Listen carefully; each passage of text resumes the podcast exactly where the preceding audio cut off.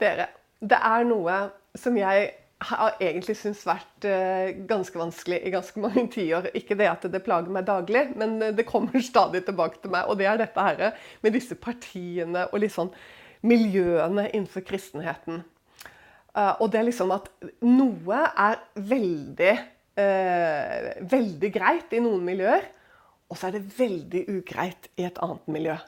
Og noen er veldig opptatt av det, mens de andre er ikke så opptatt av det. Det som er bekymringsfullt inni dette her, er at, vi, at, det veldig ofte handler om Guds ord. At noen vektlegger noe i forhold til ordet mye. Og så er det noe annet de ikke er opptatt av og ikke vektlegger. Og så er det et annet miljø som gjør det motsatte. Men poenget da, er jo at begge deler handler om Guds ord og er viktig i forhold til Guds ord. Og, så kan det jo bli sånn da, at eh, man som forkynner Eh, jeg tror ikke jeg er veldig plaget av det, men, men altså, risikoen er jo der. Er jo at man da vet hva som, er, eh, hva som går rett hjem her, og så, man, og så, taler man mye i det. Og så vet du hva som ikke går hjem. og så sånn, du, dette her sånn, sånn må det ikke være iblant oss, må jeg nesten si i helt sånn nytestamentlig ordelag.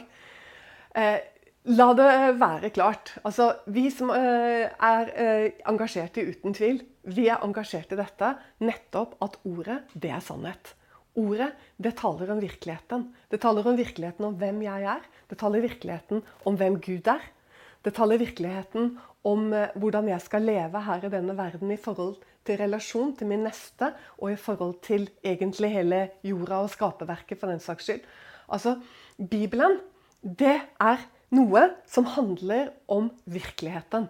Slik at når jeg sitter og ser på eksempel, La meg ta et ganske banalt eksempel. F.eks. Attenborough og hans fantastiske dyreprogrammer. Eller jeg leser, eller jeg leser uh, naturvitenskapelige bøker om ålen eller om gjessen, når jeg er ganske interessert i naturen. Så, så, er det jo ingenting av det de har funnet ut i løpet av de siste 100 årene som skader min tro. Nei, tvert imot! Det er jo, det er jo helt motsatt.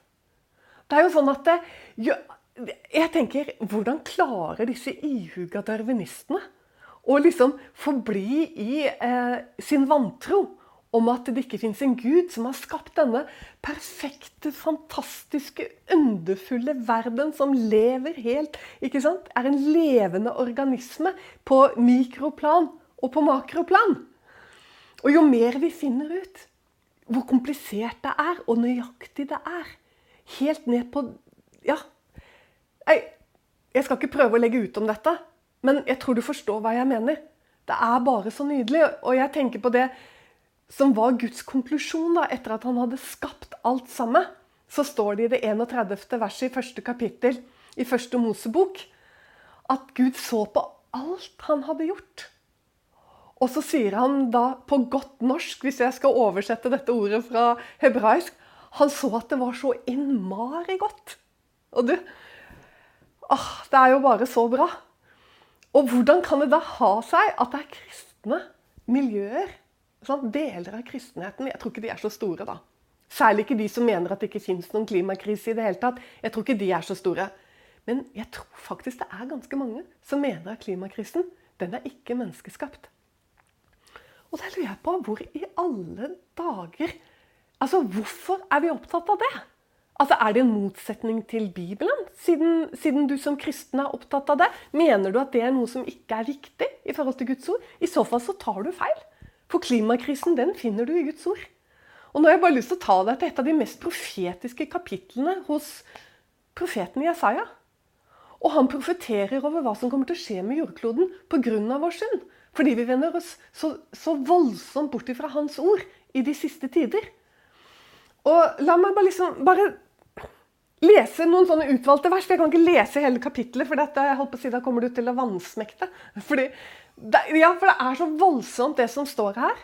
Det er veldig, veldig voldsomt. Og, og, men, men, la meg ta bare et lite, et lite utdrag. Det står at jorden er vanhelliget under de som bor på den. For de har krenket lovene overtrådt budet, brutt den evige pakt. I verset før så står det, det at jorden sørger og visner bort. Jorderikene sykner. Altså, dette er jo den gamle 1930 da, som jeg er litt sånn nidkjær på. Og sykner. For meg nå så er det et utrolig bra ord. Altså, jeg tenker bare bare liksom vi nå tar inn over oss, og jeg kan ikke nå heller stå og remse opp eh, situasjonen for jorda vår. Det, det, det, det, må jeg bare overlate til deg. At hvis du liksom lever litt sånn at du ikke tar inn over deg hva som faktisk foregår, så, så må jeg bare oppmuntre deg til å gjøre det. For det fins så hundrevis og tusenvis av rapporter som forteller om jorda vår og hvordan det står til med den. Jeg kan jo bare minne deg altså sånn, Jeg kan jo få en sånn assosiasjon når jeg leser om sykner.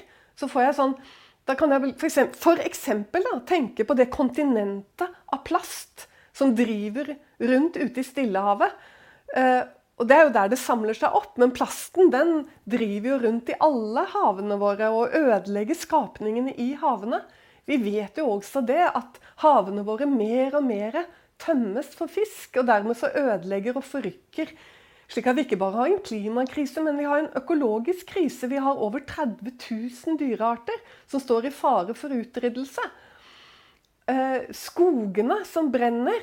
Altså, jeg eh, så kan si ja, men dette her liksom, dette er sant? Jeg vet ikke hva man mener, at det ikke stemmer, at det ikke er sant. Det, jo da, det står bra til med Amazonas. Og, og, hvis jeg hadde trodd det når jeg reiste til Paraguay i 2005 La meg si det sånn, Jeg hadde i hvert fall ikke trodd at det var så ille som det jeg skulle komme til.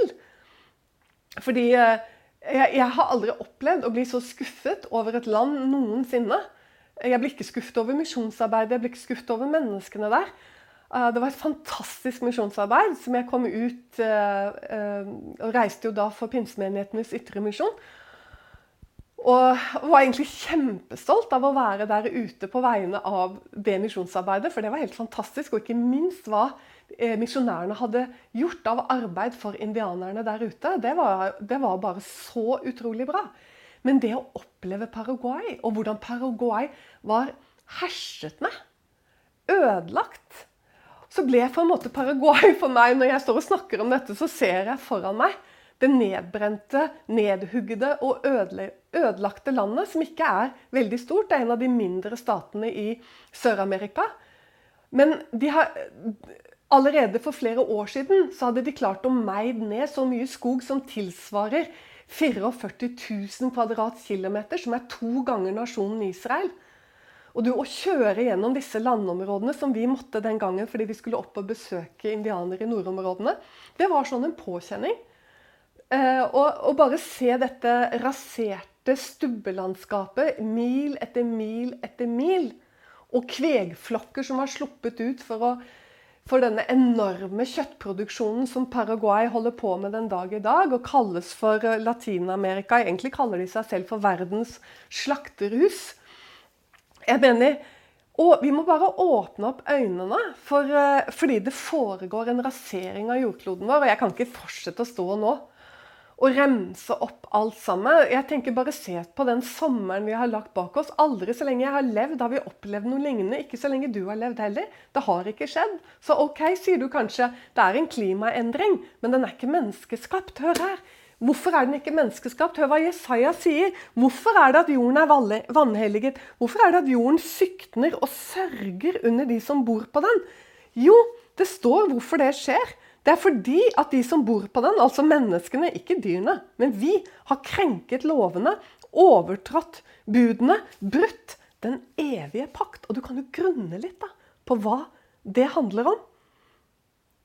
Og Hadde det bare vært Jesaja 24, hva med Jesaja 13? Hva med profeten Stefania? Hva med profeten Joel? Hva med profeten Malaki? Alle de forteller om en jordklode som eh, går mer og mer av hengslene fram imot Herrens vrede. Eh, og, og jeg Hva er problemet, liksom? Selvfølgelig så vil våre synder påvirke ikke bare oss mennesker imellom, men det påvirker hele jordkloden. Det påvirker Guds skaperverk. Du vet at Peter han sier jo i Det nye testamentet La oss komme oss over dit. Han sier jo at fordervelsen i verden kommer av lysten. Og, og, og, Paulus han minner oss om en av de viktige fruktene, altså Den hellige ånds frukter, som vi kristne skal holde oppe og holde fram. Det er avholdenhet. Og da er det ikke bare snakk om seksuell avholdenhet. Det er snakk om avholdenhet på alle plan. Nettopp fordi fordervelsen i verden kommer av lysten. Så dette er jo sånne ting som det er vanskelig å snakke om i rike Norge, hvor vi unner oss ikke sant? å kose oss. For ti år siden, jeg har sagt det før, da sa vi 'kos dere'. I dag sier vi ikke det. I dag sier vi 'kos dere masse'. Sånn? Vi unner oss all verden. Og også forkynnelsen i menigheten har jo nesten begynt å ligne litt på sånn derre 'kos dere', og liksom Det er veldig fokus på oss hele tiden, og vi er sånn ja, ja, jeg kan ikke gå inn i den greia nå. Jeg har gjort det før. Eh, men du vet at det er litt underlig, for det er akkurat som evangeliet. Kan evangeliet ha endret seg? i forhold til hvordan det ble talt i tidligere tider. Jeg har, jeg har lyst, jeg, I dag morges leste jeg litt i en sånn her, uh, ja, slags andagsbok, eller Så jeg bare lyst til å uh, Så var det, en, var det, en, sang eller en sånn hymne her. Så var, jeg tenker altså en sånn, uh, en sånn salme Du hører jo ikke det iblant oss lenger. Altså en sånn tekst. Jeg tenker, Hvor mye trenger vi ikke slike tekster? Her står det Nyt den i sin helhet, men legg også merke til ordene. Når solen stråler varm og klar, ber vi i ydmykhet til vår Far at Han må verge oss i dag mot skade, synd og selvbedrag. Å Herre, demp vår tunges ild, som nører strid og fører vill. La øyet skjelne og få se den herlighet som varer ved. Forlat oss synden vi har gjort. Vis gudløshet og galskap bort. La mat og drikk i nøysomhet få bøye kroppens hovmod ned. Så vi, når dagen er på hell, og natt på ny skal følge kveld, kan prise deg, vår Herre kjær, forløst fra skam og tomt begjær. Gud Fader, evig ære skje, Guds sønn som ville til å se. Guds hellige ånd, vår trøst og fred. Vær lovet i all evighet. Er det ikke nydelig? er det ikke sant i forhold til hva vi mennesker trenger? Du vet at eh, det er jo helt i overensstemmelse med eh, Paulus når han minner om i Galaterbrevet, det er der han snakker om åndens frukter og også tar opp avholdenhet, så sier han men de som hører Kristus Jesus til, har korsfestet kjødet med dets lyster og begjæringer. Og Det er akkurat dette. vet du. Det er de evige lystne, havesyken. Og det må jo være slik at et land som Norge, så må det jo være ekstra viktig å snakke om disse tingene. Fordi at eh, her er det jo nettopp det vi blir ekstra prøvet på. da. Og kose oss en hel masse. Men du vet at hvis alle skal leve som oss Det sier seg jo selv, du bør jo ikke være kommunist for å skjønne det. At hvis alle skal leve opp i den rikdommen og i den velferden som vi har Og det er jo det alle vil. Det er jo derfor de strømmer til Europa. For alle vil jo leve som oss. Og Kina vil opp på samme nivå, og India vil opp på samme nivå. Og dette er jo mye av grunnen. Sant? Nå har du nærmere en halv milliard i Kina som har kommet opp på middelklassenivå i forhold til forbruk.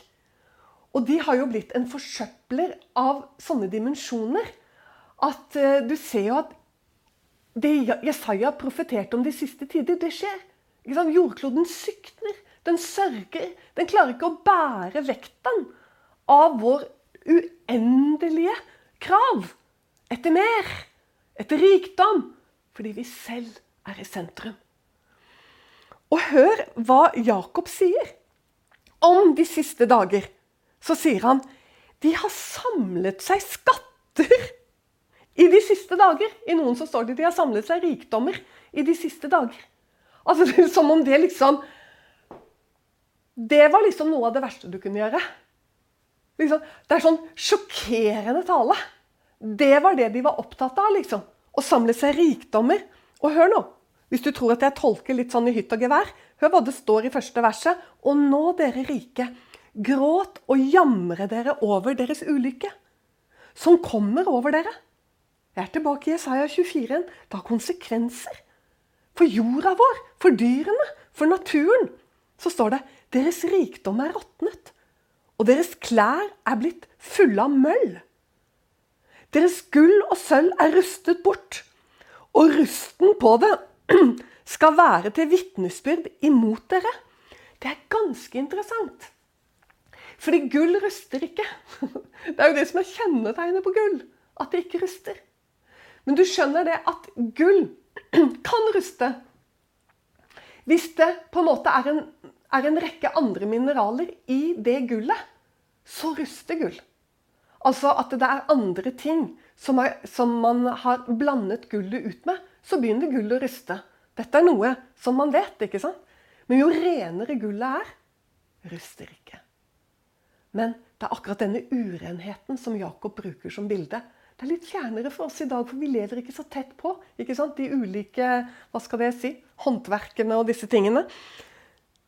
Men det er nettopp urenheten som Jakob bruker ved å si at til og med gullet vårt ruster. Ja, og så kommer du, skjønner du, eh, i forhold til uretten og ikke sant, hvordan eh, eh, arbeidernes eh, lønninger blir holdt tilbake. Hvordan ikke sant, man samler rundt seg selv, og hvordan mennesker på jordkloden lever på slavekontrakter. og Det er jo helt utrolig. Det er, ikke, det er jo klart vi gjorde det jo den gangen også, men vi tror kanskje vi har avskaffet slaveriet. Du kunne ikke vært fjernere fra, altså fra sannheten. Vi har absolutt ikke avskaffet slaveriet. Uh, der må vi bare åpne øynene våre, og så må du bare Ikke sant? Det, det, det, det, er nemlig ikke en sannhet at vi har det. Det er så mange mennesker som lever på slavekontrakter. Fremmedarbeidere rundt omkring i verden, i hele Europa, i hele Vesten og i mange andre steder også. Kan bare, jeg kan jo bare gi deg et lite tips av et hav. Bare gå inn og les hvilke slavekontrakter eh, fremmedarbeidere i Tyskland lever på, de som jobber i slakte- og kjøttindustrien i Tyskland og i USA, så, så, kommer du inn i et hav av urett. I dette, hva skal du si, pengemaskineriet. Og denne uendelige kravet og lysten til at vi alle mer eller mindre skal leve som konger og dronninger. Du, det var en dagens tordentale. Men jeg blir så sliten at det skal være sånn at noen miljøer Vi snakker ikke om det, vi. Vi snakker om mange andre syndere, ja. Og det er vel og bra at vi tar opp det og står for det og er tydelige på det. Men hvis vi tror at vi ikke behøver å snakke om disse tingene, og at det er liksom ikke så viktig, da tar vi bare så ufattelig feil. Og også Lukas advarer i forhold til de siste tider nettopp med tegnene i naturen. Men han sier også en ting til. Han tar også opp dette frykten som det skaper. Og han sier at eh, Kanskje vi skal lese det sånn som, eh, sånn som, han sier det. Skal vi se. Jeg har jo alltid litt lapper, da, så det er liksom å komme frem til det riktige stedet. Eh, jo, det står på denne måten, og det er i kapittel 21 hos eh, Lukas. Og så sier han i det 25. verset og det skal skje tegn i sol, måne og stjerner. Og så kommer det Og på jorden skal folkene engstes i fortvilelse når hav og brenninger bruser. Og så kommer det Mens mennesker faller i avmakt og redsel og gru for det som kommer over jorden. Ja, så står det for himmelens krefter skal rokkes. Du, og det er jo begynnelsen på dette her, som vi ser, og som vi lever oppi nå. Og da tenker jeg at eh, hvordan kan da eh, det være at noen liksom nærmest blir litt sånn spottende og kaller folk for klimahysterikere og den type ting. Det er jo i hvert fall mennesker som, som nettopp De er redde, de er engstelige. De ser at det skjer eh, så alvorlige ting med vår jordklod. Og, og de frykter og er redde, og det er jo ikke noe rart i det hele tatt. Og de prøver å advare på den måten som de kan, og så langt de forstår. Og, og, jeg tenker de er i hvert fall oppriktige. Men hva med oss som kristne, da? Som vet hva som kommer til å skje? Og som vet at vår oppgave er å forkynne evangeliet nettopp rett inn i dette. Og så har vi jo plutselig også fått det servert på sølvfat. Som jeg sa, at Guds ord handler om virkeligheten. Den taler inn i vår virkelighet. Og nå gjør den jo det så suverent i forhold til alle advarslene om dette i Bibelen, om hva som kommer til å skje med jorda vår, så har jo vi fått en glimrende anledning til å gå ut og fortelle. Og dere, så kan man spørre seg ja, men skal vi gå ut og liksom rope om dom og forferdelse og skremme mennesker? Nei, jeg mener ikke at alle skal løpe rundt og gjøre det. Men jeg mener at denne helhetlige røsten og undervisningen og rammen om hva evangeliet er, og hvorfor vi som mennesker må bli frelst, den må få slippe fri. Vi kan ikke si at du må bli frelst fordi at du skjønner du går glipp av så mye, for Gud er så kjærlig og han er god. Og alt det er sant, og det gjør du. Men, men du må først og fremst bli frelst. Fordi Gud vil ikke at noe menneske skal havne i vreden. Og vreden, det handler veldig mye om hva som kommer til å skje med jorda vår.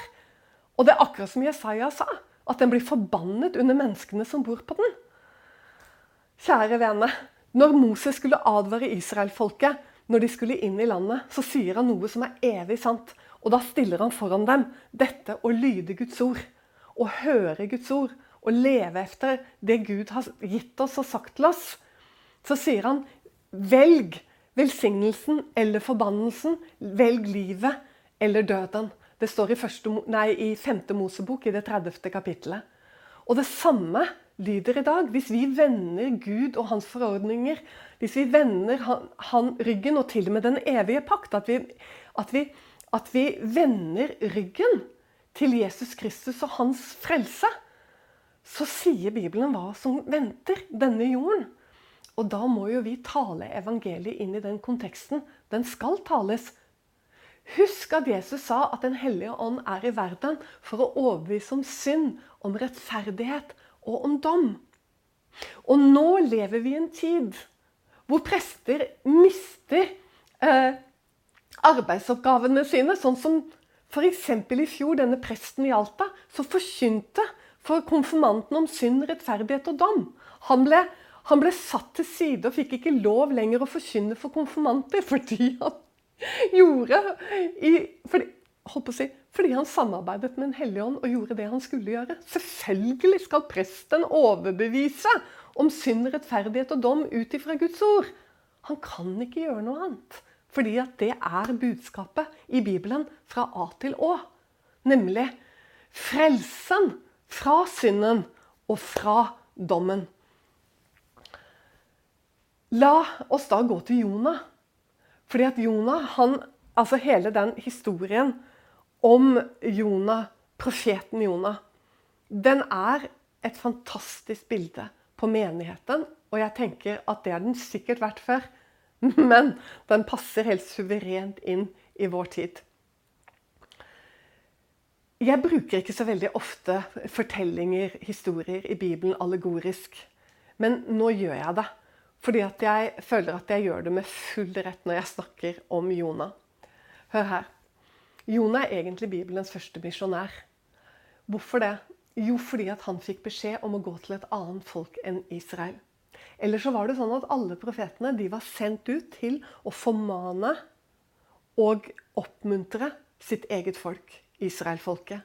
Men Jonah han får beskjed om å gå til asyrerne og til hovedstaden Ninive for å advare dem, fordi deres synder hadde nådd opp til Herren. Og Gud ville ødelegge Ninive. Og Derfor så sender han Jonah for å tale for den, står det egentlig. Ja, Det står det i noen oversettelser, men egentlig så står det på hebraisk til å rope ut i Ninive. Men det hadde ikke Jonah tenkt til. altså. Han, eh, det, det ble for mye. Så nei, det å rope ut, gå inn i Ninive og rope ut sannheten, det som Gud liksom gir han da, å tale, for det står egentlig ikke i begynnelsen at han skulle tale ut dom, men det er jo det han gjør. da. Det er jo det han får fra Gud. Å rope ut at om 40 dager så kommer dommen. Men, men eh, Gud sier ikke det. Han sier bare at han skal dra inn i Ninive og rope rett og slett det Gud legger på hjertet hans. Men eh, det tør ikke Jonah. Han, han vil ikke det. Og så er det så interessant å se hva han gjør i stedet. Han drar ned til det som ville være dagens Tel Aviv omtrent, Joppe. Og der så finner han et Tarsis-skip. Og du skjønner det at Tarsis-skip det er vår tids kjøpesentre. det er de store handelsskipene som var på den gangen, som reiste eh, jeg må liksom si det litt gammelmodig, til fjerne kyster for å handle mineraler og silke og krydder og, og tømmer og alt du kan tenke deg, eller som kunne du drømme om eller kunne ønske deg. Det kunne du eh, få lov til å være med på gjennom Tarsis-skipene. Og det er akkurat det han gjør. Han reiser til vår tids kjøpesenter. Og ikke nok med det. Når han har kommet om bord, så står det med en gang at han går ned og legger seg i bunnen av skipet og i det innerste rommet og faller i dyp søvn. Her har du altså Jonah, som er bildet egentlig Altså, Du behøver jo ikke være en altså, Du behøver ikke å, å tolke veldig luftig når du vet at Jonah, det betyr due. Og due er jo budbringer, og due i Bibelen er Den hellige ånd. Sant? Sånn at det er så, Bare navnet hans er jo så spennende. Så Han som da er budbringeren, han som skulle til Nineve, han som skulle advare Nineve og asyrerne om konsekvensen av hvordan de levde Han ligger og skvulper på vei med Tarsis-skipet i motsatt retning enn der hvor Gud hadde bedt han om. Og i søvn istedenfor å være oppreist og gjøre det som Gud har bedt han om. Og så står det at dette skipet kommer ut i full storm. Og så står det at mannskapet blir så redde at de begynner å gjøre hva de kan da, for å prøve å redde dette skipet fra å gå under, rett og slett. Og de kaster varene og alt de eier, hiver det ut. ikke sant? Gods og gull, ut på havet med det. Og det er for meg i hvert fall, og jeg sier ikke at du må være enig med meg, for meg så er, er dette vår tid. Frykten og redselen. Verden har kommet inn i en forferdelig storm. Eh, jordkloden vår eh, er, holder på å gå av hengslene. Folk gjør hva de kan. Og jeg ser for meg ikke sant, disse herre om bord at nå må vi kvitte oss med det, og nå må vi sånn og sånn. Sant? For her går det fullstendig gærent. Og kapteinen selv, og det er jo spennende da, at det er han Her kan du også begynne å tenke litt. Han er den som går ned til Jonah og så er det første han sier til ham, er hvordan kan du ligge? Hvordan kan du ligge og sove under sånne forhold? Nå snakker jeg på godt norsk, du må jo bare lese profeten Jonah. Det er bare tre kapitler. Hvordan kan du ligge og sove under sånne forhold? Og det er jo et fantastisk bra spørsmål. I det hele tatt at det er mulig. ikke sant? Sannsynligvis så var det jo eh, ja, ganske vilt. Men der lå altså han og sov. Og så sier han til ham, 'Hvem er du?' Og hvilket folk tilhører du? Og hva er ditt ærend? Du, det er som om det er Herren selv, vet du, som taler til sin menighet. Og i hvert fall så er det helt betimelig å bruke det sånn. Og nå gjør jeg det her og nå. Det er som Jesus selv taler til sin menighet. Hvordan kan du ligge her og sove? Hvem er du? Sånn? Her stilles menigheten til ansvar. Hvem er du? Hva er ditt ærend? Hvilke folk er det du tilhører? og Jonah, du, han våkner. Og det er jo det det handler om. da. At menigheten må våkne. Den må inn i en vekkelse. Og Jonah han våkner, han reiser seg og sier 'Jeg er en hebreer, og jeg tilhører det'. ikke sant? Israels Gud, den ene sanne Gud. Himmelens og jordens skaper, tror jeg han til og med sier. Og så er det jo fantastisk at Jesus han bruker jo Jonah om seg selv. Og han sier nemlig det, at på samme måte som Jonah ble løsningen at han ble kastet over bord for å stille Guds vrede mot det skipet, så, ble, så måtte Jonah kastes over bord i all sin ulydighet. Og dette bildet, tenker jeg, det er eh, så utrolig. Nemlig som evangeliet inn i denne tid. Til å forkynne Han som tok Guds vrede på seg. Han som tok straffen på seg. Han som ble kastet ut for vår skyld. Men det er helt nødvendig at vi vender om til Han som har tatt Guds vrede på seg. Fordi Bibelen lærer jo det, at hvis vi ikke kommer inn under Han, altså ved at vi tar imot Han, og at Hans blod Og dette blodet det er jo viktig, for det taler jo Altså Det hjelper jo oss å forstå ikke sant, evangeliet for deg som kanskje ikke er så kjent med disse tingene. Dette er jo varslet, dette blodet, som soning for oss. Helt ifra Egypt og fra jødefolket gikk ut derfra når de fikk beskjed. Fordi Gud skulle nemlig slå Egypt pga. all synden og ulydigheten og dette at de nektet gjennom alle plagene å lyde Gud. Så kommer da denne siste om at denne dødsengelen vil gå inn i Egypt og slå Egypt. Men så fikk de beskjed da eh, israelfolket at, at de skulle slakte et lam, et lyteløst lam. Tenk deg da, Du har sikkert hørt om det. Jesus Kristus ikke sant, som Guds lam. Og så skulle de stryke blodet over dørstammen. Over sidestokkene og over dørstokken. Og der hvor blodet var, der skulle ikke eh, dødsengelen gå inn. Altså Der ville ikke Guds vrede ville, Det huset ville ikke bli rammet av Guds vrede. Fordi denne Herrens engel så blodet, og da vil den gå forbi. Påske vet du, det betyr forbigang. Det betyr å gå forbi. Og det er akkurat slik det er. Dette var jo bare et bilde på han som skulle komme. På hans blod. Altså Når vi tar imot Jesus, så blir på en måte vi tegna med blodet. slik at vi kommer ikke inn i vreden eller i den evige dom, fordi blodet er over oss. Sånn at vi kan ikke bli rammet av Guds vrede. Tenk deg dette, Det er det Bibelen forteller helt ifra andre Mosebok til Johannes' åpenbaring. Så vi kan ikke forkaste han som er kastet over bord. Han som Jesus sa at jeg sant, Jonah var et tegn på meg. At på samme måte som Jonah ble kastet ut av denne eh, båten som var i full storm pga. Guds frede, så blir jeg kastet ut i gåsetegn for dere. For at dere aldri skal bli rammet av den vreden som alltid hviler over synden, men er holdt tilbake pga. korset.